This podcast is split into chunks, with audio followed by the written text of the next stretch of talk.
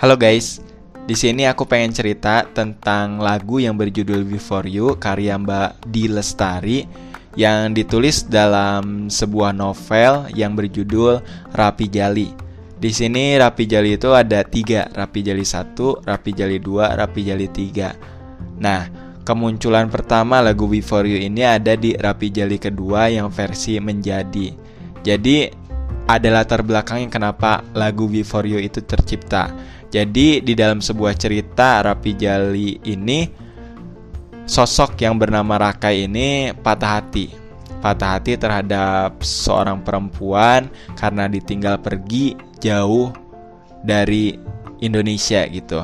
Jadi dia tuh suka sama perempuan yang bernama Jamie, Jamie Hartanto. Pokoknya Jamie ini adalah sahabat, teman dekatnya dari TK sampai SMA itu pokoknya udah deket banget.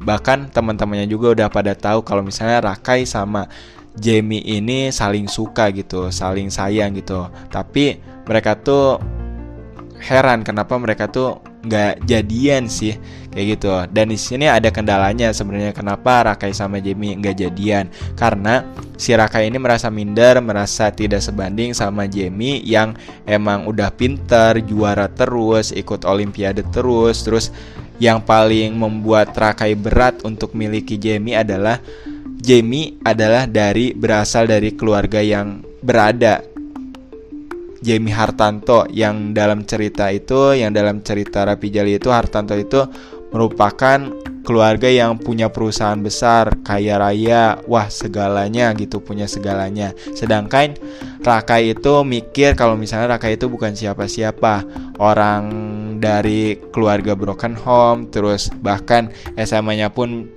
disubsidi biayanya sama sekolahnya kayak gitu. Jadi Rakai ini ngerasa nggak sebanding. Dan di sisi lain Rakai juga lagi suka gitu lagi ngerasa klop sama seseorang yang bernama Pink yang Pink ini sangat mahir sangat mahir terhadap musik dan juga jadi nyambung gitu sama Rakai. Rakai itu suka musik Pink juga suka musik gitu jadi sama-sama nyambung gitu kayak gitu. Bahkan Jamie Jamie pun udah udah ngode gimana kalau misalnya kita barengan, gimana kalau misalnya Rakai sama Jamie itu suatu saat nanti jadian tapi Rakainya tetap menyangkal karena ada suatu hal yang tadi kendala yang tadi yang nggak bisa Rakai bisa punya gitu.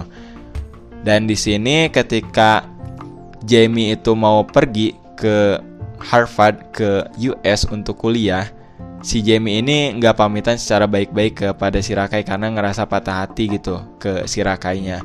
Kayak gitu. Dan walaupun si Rakai itu maksa untuk ketemu dulu sebelum Jamie pergi tetap kekeh si Jamie ini nggak mau ketemu sama si Rakai. Dan akhirnya karena patah hati ditinggal Jamie pergi jauh selama beberapa tahun ke depan si Rakai ini malam-malam ke atas lotengnya, duduk, ngambil gitar, dan nyanyiin lagu yang ia tulis sendiri yang berjudul Before You. Di sini aku pengen nyanyiin lagu Before You. Semoga semoga ya ya jelek ya wajar lah. Saya bukan penyanyi tapi saya nyanyi. Oke? Okay?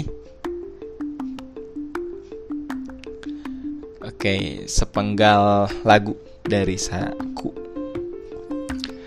So I'm strike it up and walk away. I don't need to fight it. We call it off it the highway. Maybe it was meant to be to go her ways, but don't say I don't care. Cause I feel it. Oh, I feel it.